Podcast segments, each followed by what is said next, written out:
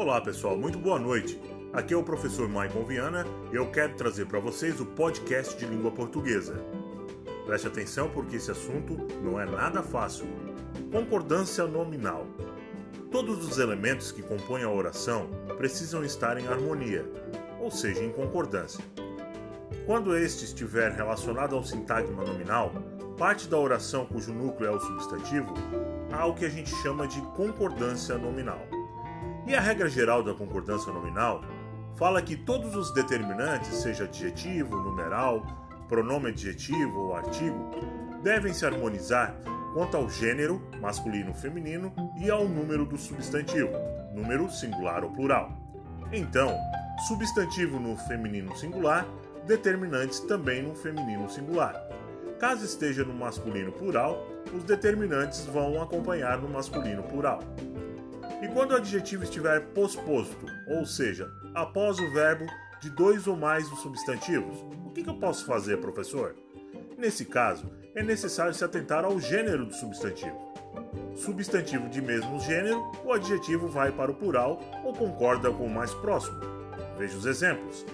O Brasil possui montanha e chapada deslumbrantes. O Brasil possui montanha e chapada deslumbrante. Aqui nesse caso, deslumbrante concorda com chapado. Já no substantivo de gêneros diferentes, o adjetivo vai para o masculino plural ou concorda com o substantivo mais próximo. Por exemplo, o homem e a mulher gordos chegaram para a consulta. O outro exemplo, ou outra forma de utilizar a concordância nominal nesse caso de substantivo de gêneros diferentes, é o seguinte: o homem e a mulher gorda chegaram para a consulta. No caso, gorda vai concordar com a mulher. No caso da regra para substantivos com gêneros diferentes, embora ambas as formas estejam corretas, é comum as pessoas preferirem usar a concordância no masculino plural. E sabe por quê?